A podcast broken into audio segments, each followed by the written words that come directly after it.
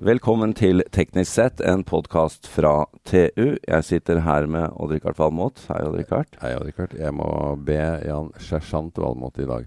Ja, Ja. men jeg skulle jo komme til deg, da. Ja da, Ja. det er bra.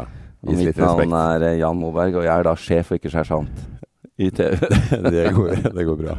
Men uh, det er helt riktig. Du er, eh, eller var, Det var, ja. Det, var, det er Ja, faktisk ganske mange år siden. mange mann i kommandolinjene. Jeg hadde vel eh, tolv stykker, tenker jeg. Ja. Men jeg, jeg var sammen med barnebarnet mitt og så min gamle kanonstilling på Fornebu her om dagen, og det var Det var vemodig. Ja, det var Stolt, stolt bestefar. Ja, Ja. absolutt.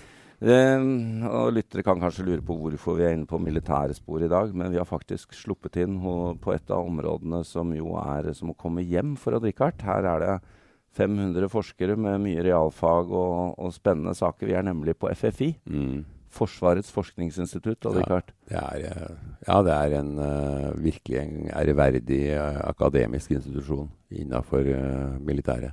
Og det sivile. Og det sivile, ja. Men jeg kan jo litt lite egentlig om Forsvarets forskningsinstitutt. Og det jeg vet fra hva du har fortalt, Odd Rikard, også, at her er det mye spennende. Så vi har jo fått med oss selveste administrerende direktør for Forsvarets forskningsinstitutt. Jon Mikael Størdal, velkommen. Takk for det, takk for det, og velkommen til dere. Ja, Det er egentlig vi som har kommet til deg Ja, det er jo denne for så gangen. vidt det. Så det Men det er jo superspennende for oss å komme hit og høre litt om, om FFI. Og først så, så må vi jo bare ta kjapt Hvorfor FFI? Hvorfor uh, eksisterer dere? ja, det går tilbake faktisk til vi ble grunnlagt like etter andre verdenskrig. Eh, da har den gjort seg iallfall to erfaringer. Altså vitenskap og teknologi hadde spilt en avgjørende rolle for utfallet eh, for de allierte. Mm. Og to, at det norske forsvaret ikke helt hadde vært fulgt med i timen og tatt i bruk og forstått den teknologien som da var moderne. Og Da skulle en ha et Forsvarets forskningsinstitutt som skulle bidra til at vi hadde et forsvar som til enhver tid forsto trusselen, og samtidig kunne ta i bruk eh, ny teknologi sjøl. Og det er jo fortsatt hovedoppgaven til FFI. Vi skal bidra til et effektivt og relevant forsvar og være en pådriver for at vi har, fortsetter å ha et høyteknologisk forsvar. Og Når vi ser på forsvaret vårt i dag, og ser den utviklingen som har vært fra 1946, så har vi jo langt på vei, vil jeg si, eh, bidratt til det. Samtidig så hadde vi med oss at vi skulle bidra til industriell utvikling. Mm. Og hvis vi ser nå på de eh, teknologimiljøene som en har f.eks. på Raufoss og Kongsberg, eh, og nå er jo den sivile eh, større eh, omsetning enn den militære. Men det er jo sånn at når Kongsberg er verdensledende på sivil undervannsteknologi, så hadde ikke de vært det uten Nei. kan du si, Forsvaret og FFI, som har bidratt eh, til akkurat det. Og Det var jo òg en del av kan du si, oppdraget, samfunnsoppdraget til FFI når vi ble grunnlagt, og det ligger fortsatt i vedtektene våre. Hvor, hvor på skalaen troner eh, den bragden nå med, med at amerikanerne har kjøpt missil? Nei, Det ser jo vi som et endelig gjennombrudd Ja. for eh, at norsk teknologi samla, altså både i Forsvaret, på FFI og i forsvarsindustrien, har et internasjonalt eh, nivå og er i verdensklasse. Altså Det er et unikt missil som da USA hadde valget mellom å utvikle noe tilsvarende sjøl, eller å kjøpe i, hos nære allierte som Norge, og da valgte de det siste. Og Det jo en del av deres nye, nye strategi på, på det området. Amerikanerne? Og nå er det jo sånn at Pingvinmissilet, for de som husker det, ble Ja. jo også solgt til USA en gang på eh, 80-tallet. Ja. Men det var i eh, mye mindre omfang og eh, Men det er jo historiske linjer eh, klart tilbake dit, da. Absolutt. Og da var dere med. Da var vi med. ja, for det er norsk missilproduksjon så går gode tider i møte. Ja, det ser sånn ut. Så skal en jo aldri liksom ta ting for gitt. Men eh, og vi noterte oss jo òg at Det tekniske ukeblad kåra det vel til en av de store ingeniørbragdene da etter andre verdenskrig. Ja, det er det jo i høyeste grad. Og det er jo et lokomotiv i norsk målestokk. Det går jo knapt en uke uten at Odd Rikard er innom uh, missilet. Ja, akkurat. Ja, det er bra. Men da er det viktig å ha med seg at uh, mye av dette starta jo på FFI, og så er det gradvis blitt uh, tatt med inn i både industri og Og nå er det jo industrien i stor grad, men vi har fortsatt en del av utviklingen her på, på FFI, sammen med Forsvaret. Ja, altså Norsk våpenproduksjon uh, har jo et veldig høyt teknologisk nivå. Uh, det er jo en del som vil at vi skal ut av våpenproduksjon, men, men vi, vi, har jo en par sånne virkelig styrkeområder. Både ja. innenfor Nammo og, og, på missiler. Det er helt riktig. og det er jo altså Missilområdet er nevnt, og der er jo både kan du si, missil, men òg på rakettmotor. Der er, har jo Nammo en helt unik posisjon i, ja. i den vestlige verden. Eh, og innen ammunisjon, utvalgte typer ammunisjon. Eh, undervannsteknologi er jo også et område som der både sivilt og militært jeg vil si at Norge er, er verdensledende på. Pluss en del andre områder. Men du kan si det vi har eh, nytte av i Norge, er jo en modell for å ta fram den type materiell som eh, vi ser eh, er god. Mm. Og det er liksom utnytta at Norge er et lite land. Uh, Med en krevende topografi? Krevende topografi. Ja. Det var utgangspunktet for missilene. Ja. Kystnære farvann, tilsvarende innenfor undervannsteknologi. Eh, samtidig som vi har liksom korte beslutningsveier. Vi er mester og master snakker sammen. Ja. Eh, det er visse fordeler der. Vi ser våre ja, for så vidt nære allierte, så blir det langt mer byråkratisk. Vi, ja, vi må snakke to ord om det du egentlig var inne på her i starten, uh, John Michael, at ja. amerikanerne har lagt om litt innkjøpsstrategien sin? Ja, iallfall så uh, har de erkjent at uh, og helt siden andre verdenskrig så har det vært viktig for USA, og dermed for Vesten, å hele tida ha et teknologisk overtak i forhold til mulige motstandere. Og tilbake i den kalde krigen så var det jo Warszawapakten og Sovjet. Og målet var jo å ha teknologi som gjorde at en kunne operere på en annen måte sånn at en, enn motstanderen, sånn at en slapp å telle antall fly og antall soldater, men en skulle være overlegen i måten å operere på. Og sånn Personlig så vil jeg jo si at den, den forspranget var størst rundt 1990 med den første Gulfkrigen. Ja. Da hadde Vesten og USA Det var et enormt forsvarsshow for uh, amerikanerne. Det var jo det. Og det var presisjonsstyrte våpen, og det var steltfly og det var nattsyn, og det var navigasjon, GPS, og dette hang jo nøye sammen. Og det var en satsing som de begynte med rundt 1970. Og så har en jo sett da at eh, motstandere har gradvis eh, spist opp dette forspranget. Det bekymrer USA. Så selv om USA investerer formidable ca. 500 milliarder norske kroner i militær forskning og utvikling, så så syns de likevel at uh, de må stole på nære allierte hvis en finner kall det diamanter der som en kan raskt ta i bruk. Det er litt som de store industriselskapene overalt, ja, at de må eh, se litt på startuper rundt om nå? Ja, det kan du si. Og det, for oss er jo det selvfølgelig eh, også en del av eh, byrdefordelingen i Nato. Altså hvis Norge kan ta på seg og utvikle til tilstrekkelig, med tilstrekkelig kvalitet, så vil jo dette være noe som er attraktivt for andre allierte. Og da slipper de å, å, å, investere i det samme. Men amerikanerne har jo en stor fordel at de, de satser på få uh, våpen i store antall. Og så, og så, gjør vi det samme i land etter land i Europa. Vi har flere tanks, vi har flere våpensystemer. og Det er jo veldig lite produktivt. Absolutt. Og dette er jo noe som nå EU eh, e har begynt å se på. og En har jo kommet ut med både en global strategi og en, eh, det en kaller EU Defense Action Plan, som tar opp akkurat den problemstillingen. Fordi en er alvorlig bekymra for at eh, selv om på overordna nivå Vesten eh, mister sitt forsprang, så vil, ser en at Europa faller enda lenger bak. USA investerer altså 67 ganger så mye i militær forskning og utvikling som hele Europa til sammen.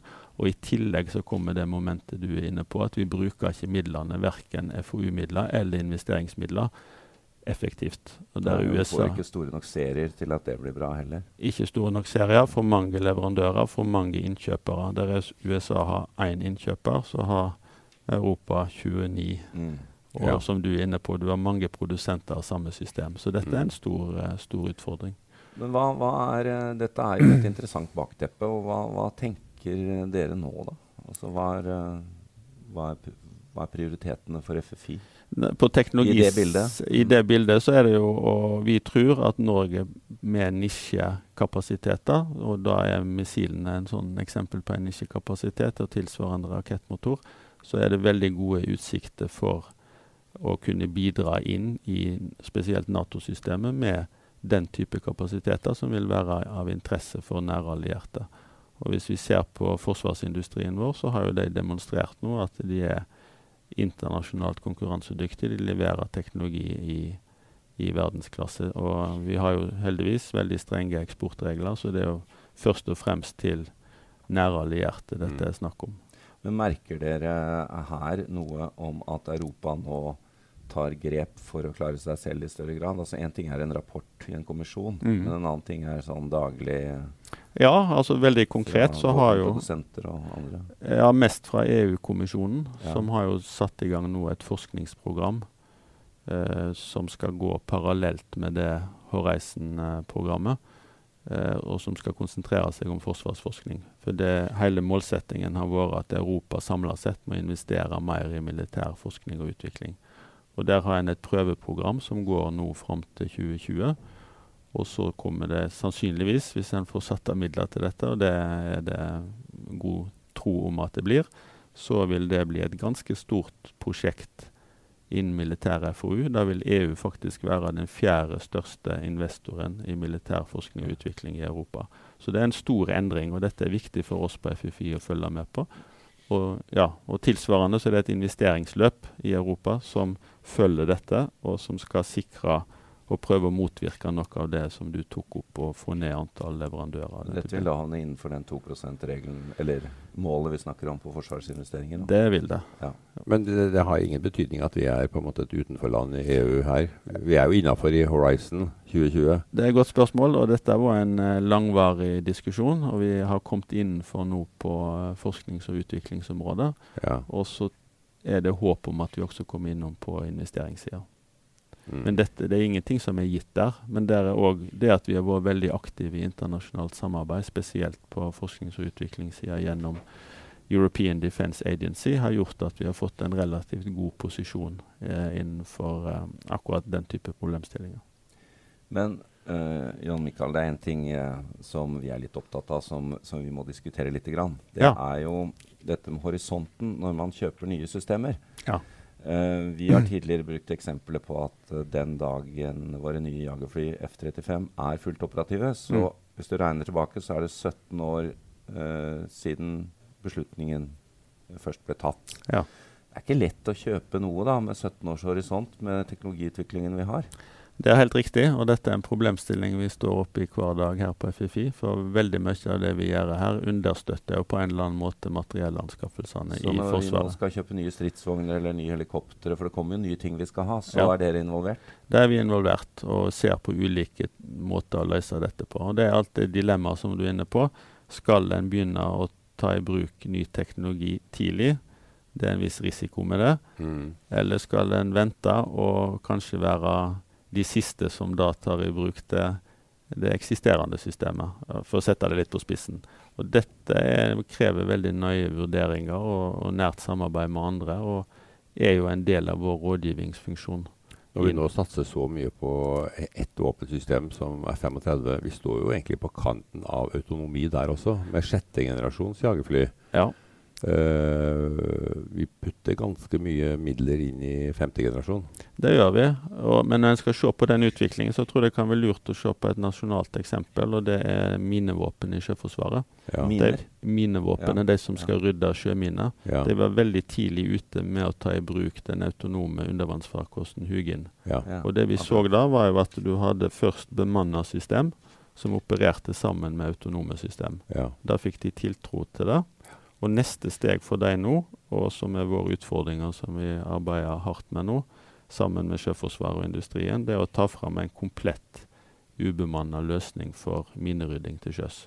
Og da skal ikke bare Hugin være der, men vi skal også ha en ubemanna overflatefartøy. Og det ser du en, en sånn, og det, Den utviklingsmåten eh, der tror jeg vi vil se på andre områder òg. Altså først bemanna, så en kombinasjon av bemanna og ubemanna, og så eh, ubemanna totalt. Så det, det, trengs ikke så mange i Forsvaret i fremtida? Det trenger mye forskere og lite soldater? Vi trenger mye folk i Forsvaret framover òg. Okay. Så, hvis dere trenger en ekstra sersjant, så har vi en på lager her. Da skal vi ta den med inn, kanskje. Sersjantforsker kunne ja. være en tanke. Ja. Uh, uh, Jan Mikael, vi, vi, det går mot litt landing her for oss nå på denne podkasten, men jeg er nødt til å ta opp et tema til før vi gir oss. og det... Um, det er dette med den sivile teknologien som nå blir, um, blir tilgjengelig. Og uh, vi ser jo på Mm. YouTube uh, Odd Rikard sitter jo stadig og ser på droner som blir uh, beefa opp med bomber og alt mulig. Mhm. Um, det er jo en trussel, det òg, da. I høyeste grad. Som er veldig lett tilgjengelig for jeg håper å si hvermannsen. Det er både en trussel og det er en mulighet. Ja. Og det er klart den trusselen først og fremst er jo det at nå er det mye avansert, billig teknologi, kompakt, tilgjengelig globalt. Det er jo en del av globaliseringen. Det er en utfordring, eh, og som underbygger den eh, kan du si, reduksjonen i Vestens dominans. Det er med å forsterke det. Eh, så, og det vil både statlige og ikke-statlige aktører kunne ta i bruk. og Det har vi jo sett eksempel på flere plasser allerede. og Det tror jeg vi vil se mer og mer av. Så det er på trusselsida. Samtidig så er det en mulighet for eh, Forsvaret i Norge å raskt kunne ta i bruk nye løsninger. Du var inne på utviklingstider på F-35. Eh, heldigvis er det ikke alt militært utstyr som er like lang utviklingstid. Nei. Og det er et mål nå om å få tatt i bruk gjerne sivilteknologi raskt. Og Et godt eksempel der er jo den historien de kanskje kjenner rundt Prox Dynamics Ja. ute i Asker. ja. Ja. Det var jo fra sivil, eh, jeg tror det var leketøysbransjen, som kom til eh, Forsvaret og FFI og lurte på kan dette brukes militært. Og relativt raskt så kan, klarte en å lage et, eh, et Ja, sy- det er jo et kjempepoeng at, eh, at også det militære ser på disse sivile produktene som man fort kan anvende. Er, er, har det vært en, kall det en barriere å komme, komme gjennom for ser tilbake militærkulturen? Uh, nei, egentlig ikke. Fordi eh, Norge, vil jeg påstå, har alltid vært gode til det. Hvis du ser på militær teknologiutvikling i Norge, så har en alltid vært tidlig ute og ta i bruk sivile eh, mikroprosessorer, f.eks. Ja. En, en var tidlig ute og så ta inn sivil eh, programvare istedenfor å utvikle alt sjøl, sånn som var vanlig for en god stund tilbake. Mm. Så, så vi har hatt det med oss hele veien. Men det er klart en liten barriere er det. Men eh, det ser vi mer og mer av. Og vi ser òg nære allierte som satser i den retningen. Bra. Vi må bare stille et siste spørsmål. Uh, Cyberwarfare cyber warfare og uh, digitalt. Ja. Hva, hvor stor plass tar det i I FFI. deres? Det tar veldig stor plass, og det er en veldig eh, krevende og interessant område. Nå har jo Nato definert krigføring i det digitale rom som et femte krigføringsområde på linje med land, sjø, luft og rom. Ja. Og hva betyr det? Det prøver vi å finne ut av. Og ikke minst så tror jeg at hvis det er ett område der Vesten virkelig har mista, eller er i ferd med å miste overtaket, så er det innenfor eh, Det det, digitale rom. Så det, ja. Odd-Rikard, dette er jo superspennende. ja, det er det. Det er jo sjelden jeg ser deg så interessert lyttende som nå. Ja, det er, det er moro. Altså, forsvar er gøy. Sersjant er Valmot det. er klar for oppdrag. Ja. Um, John Michael Størdal, tusen takk for at vi fikk komme hit. Og vi må bare melde oss på at vi kommer til å komme tilbake. Her er det mer interessant for oss å, å få fram. Tusen takk for besøket, og hjertelig velkommen tilbake når som helst. Takk.